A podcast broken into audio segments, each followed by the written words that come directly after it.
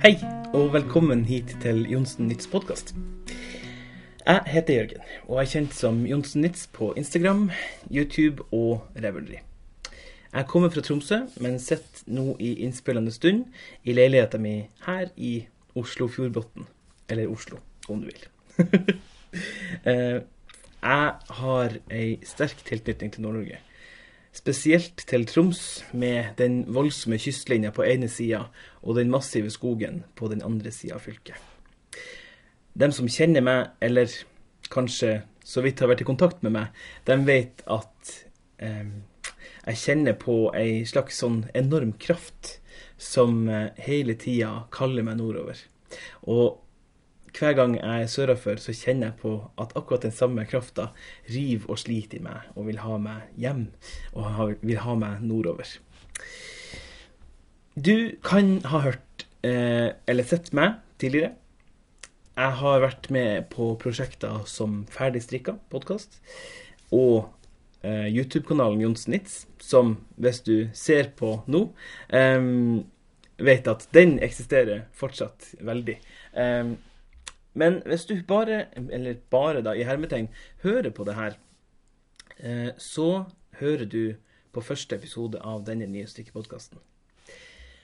For denne våren har jeg bestemt meg for å gjøre ting litt annerledes. Jeg har tenkt meg å starte med blanke ark på YouTube-kanalen. Og ja, altså Etter nesten et helt år med stillstand der, så ga det på en måte ikke helt mening eh, å skulle ta opp den tråden på nytt. Så jeg har tenkt å lage et nytt konsept. Um, og derfor kommer du nok kanskje også til å merke en viss, ja, kanskje en liten forskjell i det innholdet som du ser publisert på YouTube-kanalen. Uh, nå skal det sies at det har ikke vært noe kontinuitet i det, så det kan også hende at du ikke merker noe, og ikke legger merke til det i det hele tatt. Samtidig som jeg bestemte meg for å starte YouTube-kanalen min på nytt, med blanke ark, så bestemte jeg meg også for å starte eh, med å på en måte splitte den plattformen eh, over to formater. Det er mulig uten for mye styr, fordi at jeg uansett tar opp ei egen lydfil til videoen som jeg spiller inn på YouTube, med en ekstern mikrofon. Da kan jeg bruke den lydfila til å nå ut til det segmentet som du som bare hører på, er en del av, som ikke liker å se, men som liker å høre på hva folk snakker om strikking. Eventuelt at, at folk snakker om strikking. Dette prosjektet er designa på den måten at alt som kommer til å finnes i audiopodkasten, altså lydformatet, finnes også på YouTube. Eh, men alt som finnes på YouTube, eller som kommer til å finnes på YouTube, kommer ikke nødvendigvis til å finnes på audiopodkasten, altså i lydformat. Eksempler på det kan være videoer med veiledninger til hvordan man bruker ulike teknikker, eh, livesendinger og lignende. På denne måten kan man i vanlige episoder hoppe mellom lyd og video. Hvis man f.eks. ikke rekker å se ferdig en episode før man skal gå ut til neste sted, eller hvis man hører noe og ønsker å se hvordan det faktisk ser ut eh, senere, så kan man sjekke det ut av videoen. Um, jeg skal prøve så godt jeg klarer å strekke meg lenger til å beskrive hvordan prosjektene jeg jobber på ser ut, og hvordan detaljene på en måte eh, kommer frem med ord eh, i dette prosjektet. Det tror jeg kommer til å være positivt, uansett om man hører eller ser. Um, for da får lytteren danne, eget, danne, seg sitt eget bilde av det jeg snakker om, og seeren får mer utfyllende informasjon og detaljer eh, som kanskje ikke kommer like godt frem på bildet som det gjør i virkeligheten, altså her i rommet hvor jeg sitter. Um, formatet kommer til å veksle mellom videoepisoder, hvor også lyd blir tatt opp, og lydepisoder som også blir filma. Nyansene i denne forklaringa kan virke ganske små, men de er på en måte uvesentlige. Eh, det vil f.eks. si at i noen episoder har jeg et manus som jeg har skrevet på forhånd, som f.eks. nå, eh, som blir optimalisert mer for lyd. Og i noen episoder så snakker jeg mer fritt og direkte til kamera. Det vil du som ser på nå, vil jo merke at blikket mitt veksler litt opp og ned, eh, mens du som hører på, merker jo ikke nødvendigvis det. da. Samtidig som det her kommer til å være ei, eh, ei ordning som jeg prøver å fokusere litt på, så kjenner noen av dere meg og vet at det kommer til å bli en god miks i alle episodene. Det merker jeg allerede nå. Um, så ja. På YouTube kan det hende at jeg av og til tar dere med på en tur, eller viser opptak fra festivaler og lignende som jeg deltar på. Når vi får anledning til det, da. Ja. Det vil i så fall være et vedheng eh, etter episoden, sånn at det ikke plutselig kommer noe midt inni som liksom bare blir masse musikk, f.eks. For, eksempel, for den som hører på. Um, og dem som lytter da til lydversjonen eh, av de aktuelle episodene, vil bli opplyst om det i slutten av episodene. På den måten går man ikke ufrivillig glipp av noe, og har muligheten til å finne det man ønsker, og få med seg i etterkant. Nå har eh, dere blitt litt kjent, eller iallfall fått muligheten til å bli litt kjent med det prosjektet som jeg på en måte skal vie litt tid fremover. Um, hvor lenge det blir, og hvor hyppig produksjonen av de her tingene blir, det orker jeg ikke engang å prøve å, å uh, finne ut av. Um, for det virker litt sånn at hver gang jeg sier noe sånn som ja, nå, ha-ha, nå skal jeg få til en episode i morgen, eller å, å, nå var det godt å være i gang igjen nå skal vi få produksjon, um, så går det veldig sjelden som planlagt. Så nå prøver vi heller ut en annen metode. Hemmelighold og overraskelsesmoment. uh, I forskning så har jeg skjønt at uh, denne metoden kanskje ikke er særlig anerkjent.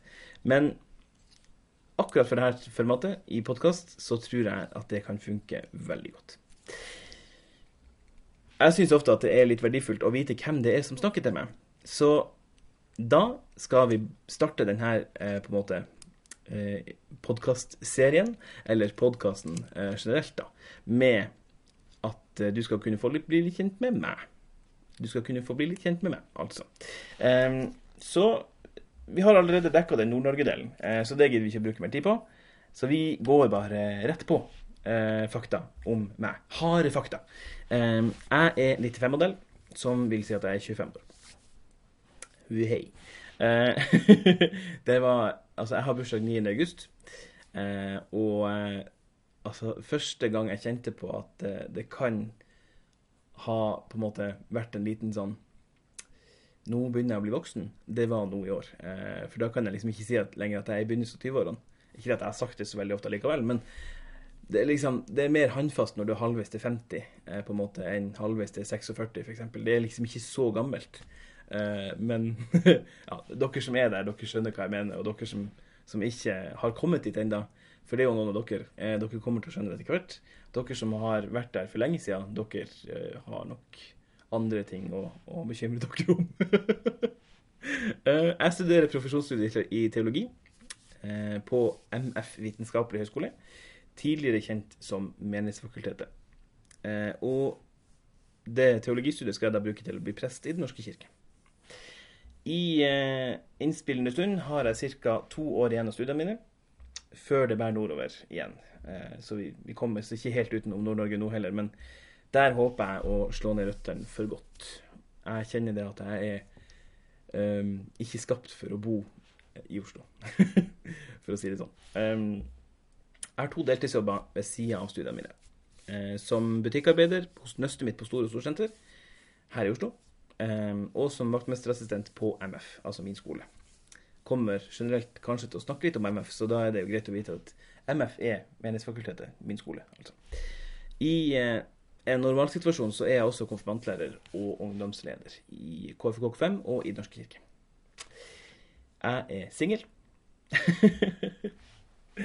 Og ehm, ja, altså mange presenterer seg jo med at uh, å, jeg er gift med den og den, gjerne én, da, helst, og har uh, så og så mange unger og alt sånt. Og jeg kan ikke si noe av det, for jeg er singel. Uh, men etter at jeg ble en del av strikkemiljøet, så har jeg ofte følt på et slags sånn press i hermetegn for å presentere meg sjøl med seksuell legning. så den får du her. Jeg er heterofil. Heterofil, altså med den eh, seksuelle legninga så kan vi gjerne også slenge inn et, en pronomen. Eh, han, ham, eller he, him, eh, som det da blir på, på engelsk. Eh, originalspråket for det her pronomen eh, snakket. Hvis det ikke var veldig åpenbart for deg, eh, sånn da basert på yrkesvalg, så er jeg kristen. Eh, min kristne bakgrunn har jeg fra Frelsesarmeen og KFK5 Norge og Den norske kirke. Kort sagt så kan man oppsummere det som en salig lapskaus. Veldig konkret, egentlig. Her føler jeg på en måte at det blir verdifullt å nevne, eller påpeke da, at jeg støtter kvinnelige prester. Jeg støtter gjengifte av skilte. Jeg støtter homofiles rett til å være, eh, gifte, seg, altså gifte seg i kirka og være fullverdige deler av den. Eh, og kvinner og menn sine rettigheter til å styre over egen kropp.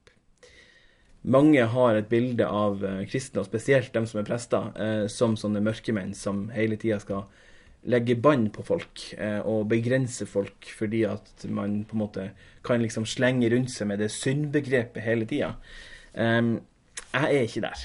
Kort oppsummert så mener jeg at det ikke er min oppgave å dømme andre. Mitt oppdrag og kirka sitt oppdrag er å omfavne, løfte opp og vise omsorg for alle, uten diskriminering.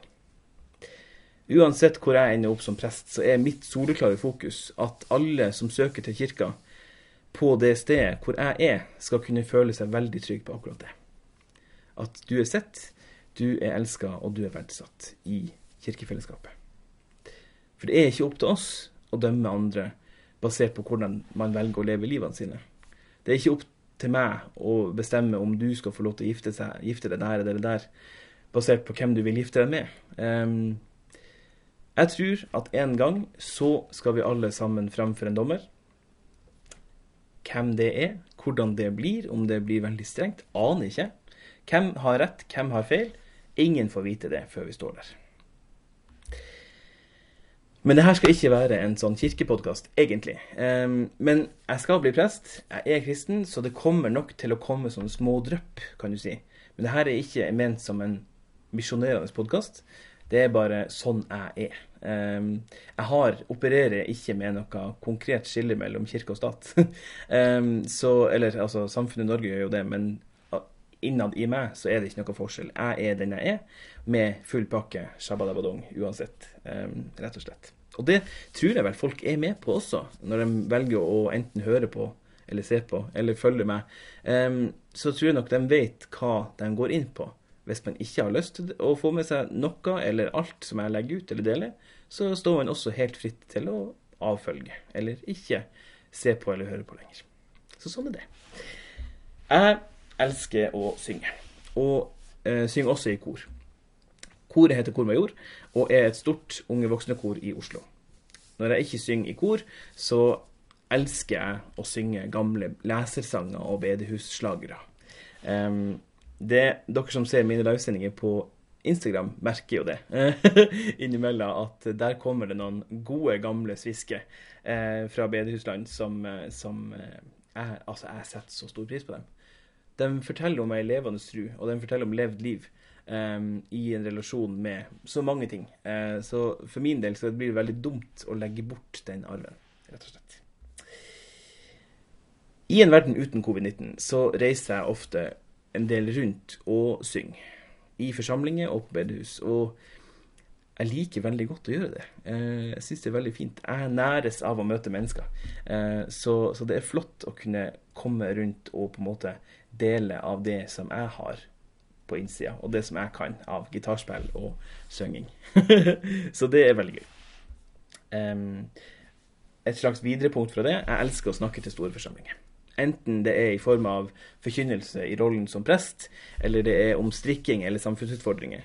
Um, så man kan jo på en måte si at det siste året har vært veldig krevende, um, uten å kunne gjøre det sånn relativt ubegrensa, da. Um, jeg hadde en måned som, som prestevikar i Tromsø i fjor sommer, og det kan vel egentlig bare beskrives som himmel på jord.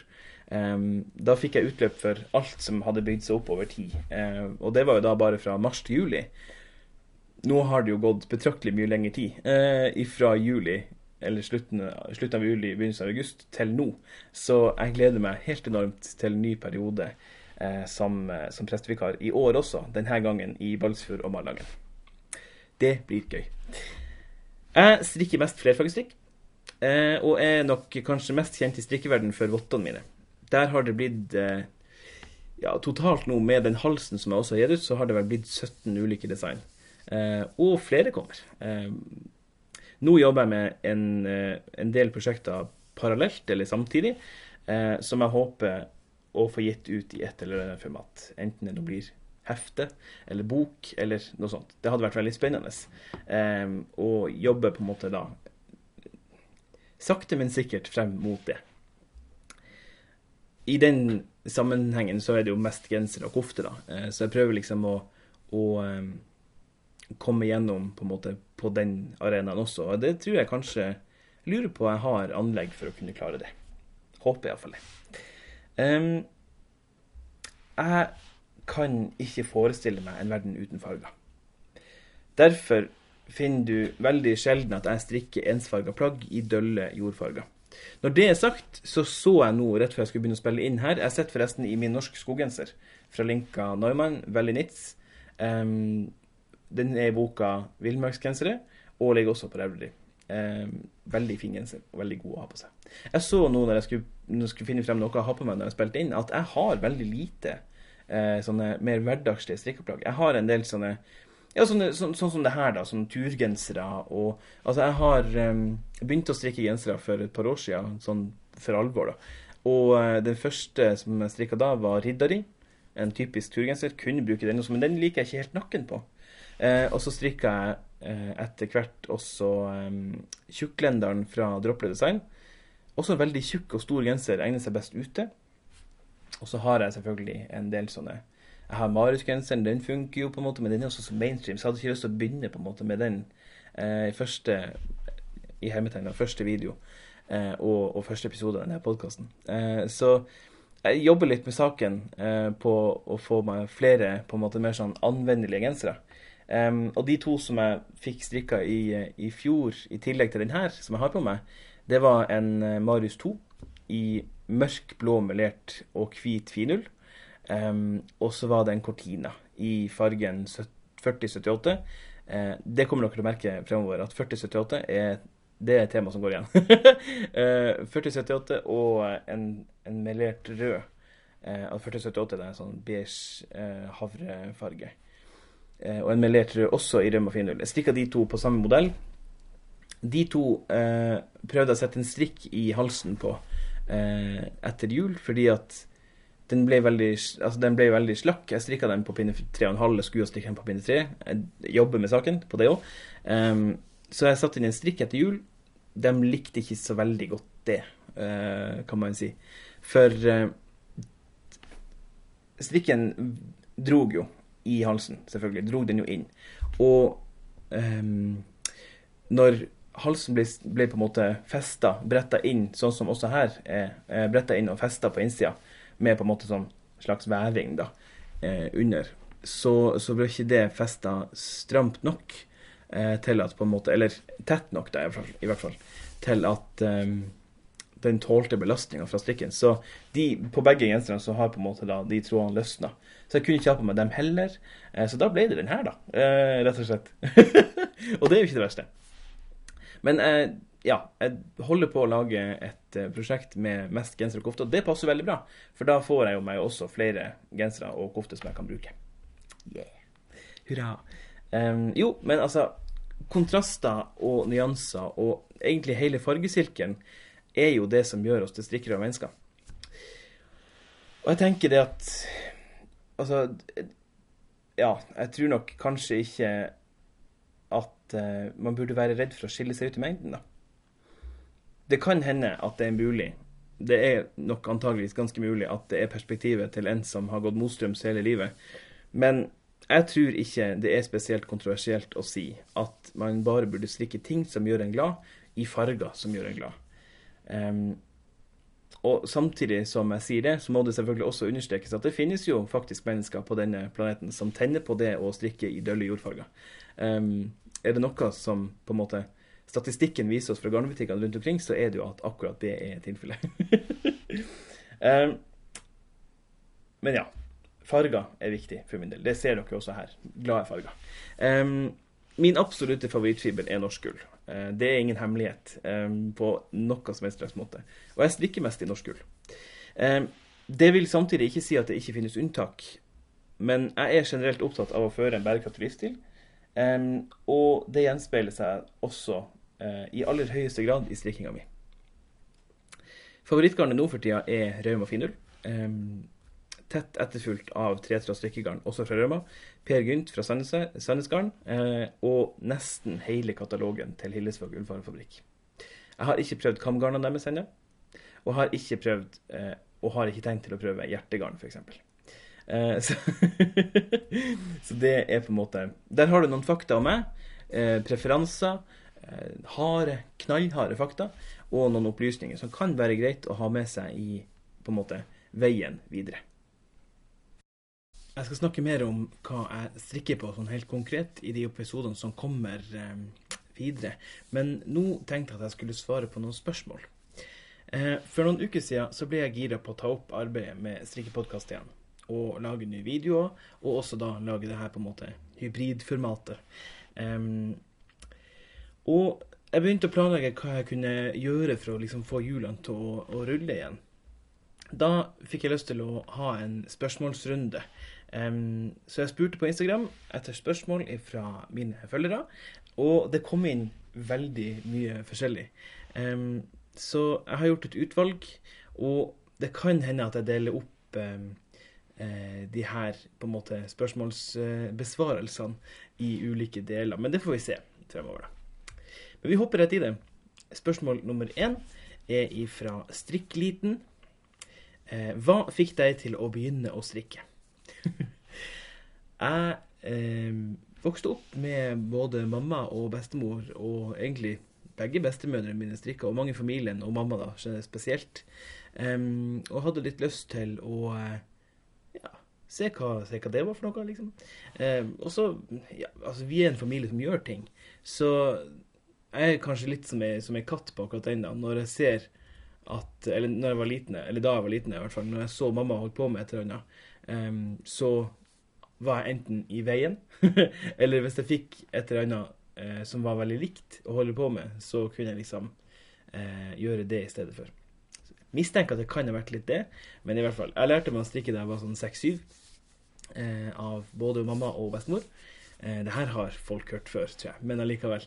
Um, og um, jeg var aldri noe kul på skolen, så, og, og, strikking var i hvert fall ikke noe som var kult. Så jeg tenkte OK, jeg legger iallfall ikke opp til å bli ukulere enn jeg allerede er.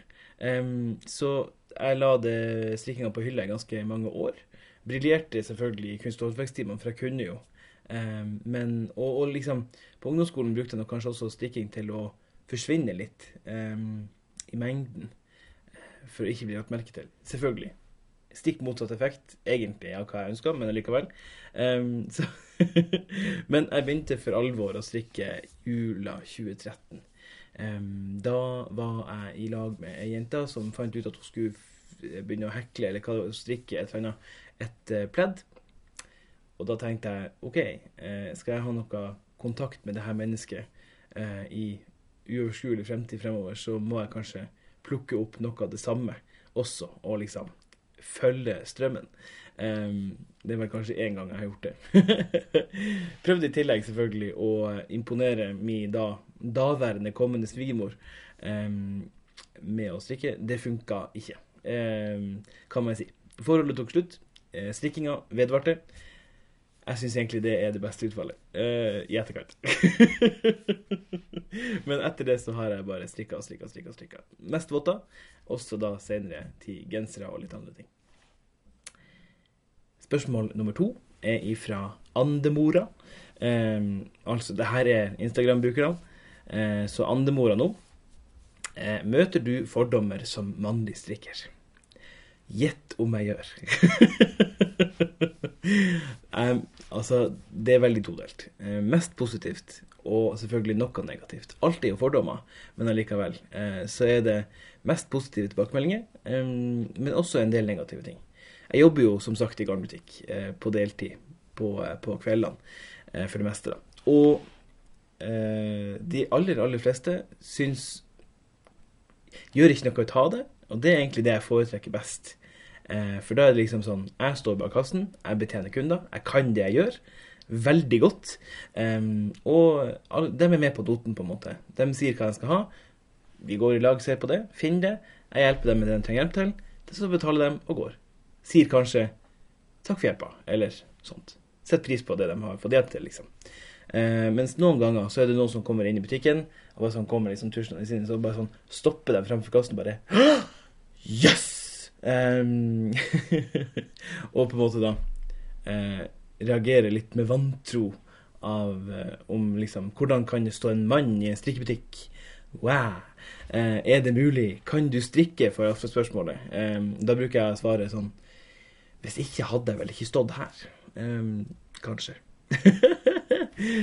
For det er jo en del ikke bare grunnleggende, men også viderekommende kunnskap som trengs for å jobbe i en garnbutikk. Spesielt når du står mukkens alene på kveldstid. Um, så uh, møter fordommer både i jobb, men også når jeg liksom er rundt omkring. Um, har opplevd på buss, T-bane, tog, båt, sånne ting. Folk sitter og stirrer litt. Um, og uh, av og til kommer det negative kommentarer. Av og til er det mest sånn beundringsaktig. Men uh, møter selvfølgelig fordommer, gjør det. Uh, så av og til kommer det jo sånne spørsmål som Ja, å, har du strikka det du har på deg sjøl? Ja, det har jeg.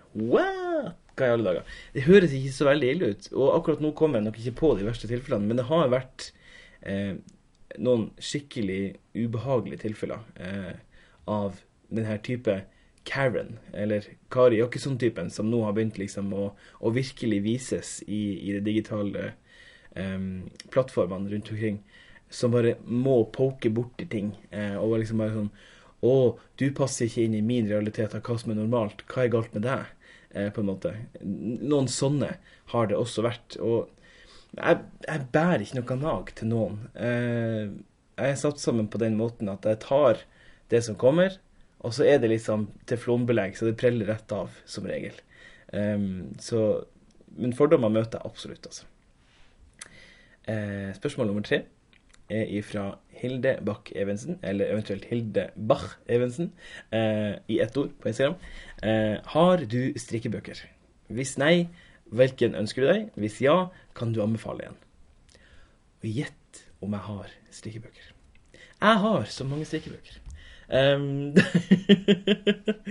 jeg er ikke en sånn uh, hoarder på noe vis, men jeg har en del strikkebøker. Um, noen av dem har jeg kjøpt på festivaler i sånn impuls. For oh, forfatteren er her eh, og kan signere den. Litt sånn, litt sånn hype. Har ikke brukt dem kanskje så fryktelig mye. Men jeg har eh, strikkebøker som jeg bruker å se litt i av og til. Så har jeg noen strikkebøker som jeg faktisk strikker oppskriften fra. Det er jo ikke alltid man gjør det, og jeg klarer aldri å følge et mønster helt til fulle. Men, eh, men jeg har strikkebøker du som ser på YouTube, får antakeligvis opp et bilde her av, eh, av, det. Eller har fått opp et bilde. Um, hvis ja, kan du anbefale en. Um, mine absolutte favorittbøker uh, ligger på sida her nå. Jeg skal vise deg. Det er de her to. Uh, det er Selbuvotter og Selbumønster fra Anne Bårdsgaard, som er gitt ut på Museumsforlaget. Mener jeg å huske. Museumsforlaget, ja. Um, det her er Selbuvotter. Den kom ut først for et par år siden, tror jeg. Um, og det her er selbemønster. Den kom ut rett før jul. Her er det votter. Her er det mønsterdiagram. Um, og selvfølgelig, begge bøkene preges av å være et slags oppslagsverk av, uh, av selbumønster og inspirasjon. Her er det votter primært, og på en måte selburosa, som du ser på forsida. Alle de her ulike diagrammene vil du finne i boka. Um, så det på en måte er tilpassa diagram på en måte. Man har liksom Hun har dekonstruert alt som hun har kommet over av Selbuota, uh, og strikka på nytt. Og du ser, alt det her har hun og hennes eh, medsammensvorne strikka. Så, og det går rundt som en utstilling i landet. Um, skikkelig inspirerende. For å selvfølgelig eh, ikke begrense selbutradisjonen, men få frem om ikke absolutt alle, så i hvert fall veldig, veldig, veldig mange variasjoner av det som vi omtaler som selbutradisjon og selbuvotter i Norge i dag. Ei nydelig bok som jeg har kost meg masse med. og her også, selbumønster. her er det litt større diagram. Eh, og fokuset ligger på en måte både på Her på fremsida så ser man jo en del sånne selbustrømper, knestrømper og sånn, eh, men også eh, gensere, kofter, kofte, trøye og den typen plagg. Som på en måte da Du, du har, ser på, en måte for deg, eller jeg ser iallfall for meg, sånn i, på gamle bilder så ofte Her er sikkert en del bilder, skal vi se om jeg, om jeg kommer over noe uten å røpe på en måte eh, så fryktelig mye. Her på baksida. Der var det faktisk. Eh, jeg ser for meg, når jeg tenker på selbukofte, så ser jeg for meg sånn heldekkende mønster.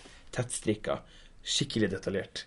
Um, her er det, I den boka her så finner man, om ikke alle, som sagt, så er det i hvert fall veldig mange av, eh, av den typen mønsterborder eh, eh, og hele diagram som på en måte er, går an å sette inn i en genser. Jeg har en plan om å strikke en, en inspirert av den boka her, en genser, eh, om ikke så altfor lenge. Dette er mine to favorittbøker, og kan absolutt anbefales. De, er, de koster nok litt, men de er samtidig ikke de dyreste bøkene som jeg har vært borti, eh, og er vel verdt det den koster. Burde sikkert kosta mer. Absolutt fantastisk, fantastiske bøker, rett og slett. Um, spørsmål nummer fire. Neste spørsmål fra Iselin B. Uh, hva kunne du tenkt deg å blitt om du ikke hadde valgt prest? Det er spørsmål som jeg får ofte. Um, og jeg er nok bundet opp på en måte i det her med muntlig formidling. Eh, og, og, og, på en måte den her Å kunne videreformidle noe til noen. Eh, derfor gjør jeg jo det her, og derfor vil jeg også på en måte bli prest. For å hele tida være i kontakt med mennesker, møte nye folk, formidle et budskap, hva det nå enn måtte være. Eh, og, og, på en måte ja, en menneskejobb. Så lenge tenkte jeg på å bli eh, førskolelærer. Eh, for jeg er veldig glad i unger. Veldig glad i å jobbe med unger. Eh, så jeg vurderte det veldig lenge. Og så selvfølgelig hele denne greia med å synge og spille gitar fantastisk. Eh, da selvfølgelig ikke kristne sanger, men eh, barnesanger. Eh, veldig glad i den sjangeren også.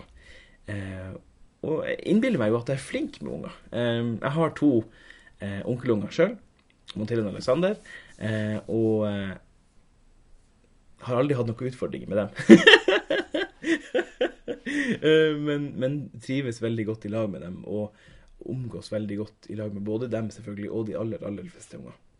Eh, så, vurderte lenge førskolelærer. Vurderte også en periode eh, lærer i enten da ungdomsskole eller videregående. På en måte mellomtrinnet der, tenker jeg kanskje primært hadde vært Jeg har jo Mamma er jo lektor i realfag. Søstera mi, Lillesøstera mi holder på å utdanne seg til å bli lektor i realfag også. Um, så, og bestefar var lærer. Uh, hans Pappa, min oldefar, var lærer. Så, så jeg har liksom en, en lang tradisjon med uh, lærere i familien.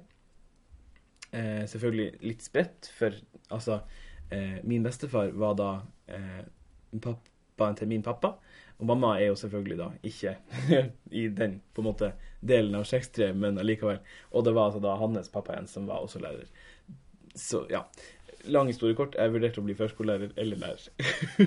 på et eller vis. Eh, gjerne da med, med, fokus på norsk eh, musikk, kunst og håndverk og på en måte eh, samfunnsfag, den retninga der. Skiller meg sånn sett litt ut fra mamma og, og lillesøstera mi, men ligner da litt mer på bestefar, som var nynorsklærer, blant annet. Eller norsklærer, da. Og nynorskbruker til det siste.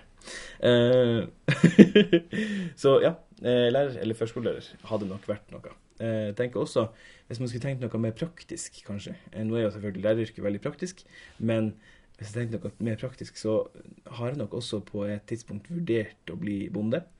Um, har jo det også i familien fra mine, best, mine, altså mine besteforeldre på mammas side. Um, de har drevet gård i masse, masse, massevis år. Og um, trivdes veldig godt uh, jeg, trives, jeg, trives, veldig godt hos dem, eller hos bestemor, da, som, som fortsatt lever. Men Um, det var enda bedre da det fortsatt var dyr på gården. på en måte. Selv om det ikke var dem som drev, så var det magisk å se på geitflokken som bevegde seg. Og bukkene som hele tida skulle prøve å yppe mot bestemor, men som hele tida ble livredd eh, når hun satte i til dem. Det var hysterisk. Og det er sånne minner som jeg bærer med meg. Um, men jeg er veldig glad i dyr. Um, og um, Altså, vi er, vi, ja, veldig glad i dyr. Og kunne gjerne tenke meg å jobbe med dyr også. Uh, gjerne da i form av et uh, gårdsbruk. På et eller annet vis. For det som ikke veldig mange vet, det er jo det at jeg er jo også en arbeidshest. Uh, om sommeren så er det min oppgave å klippe plen. Eh, i fem år planta jeg skog i Målselv. Og uh, ja Altså, vi, vi, gjør veldig mye som familie av praktisk karakter i lag, som på en måte har vært der hele livet, og som nok kommer til å fortsette hele livet også.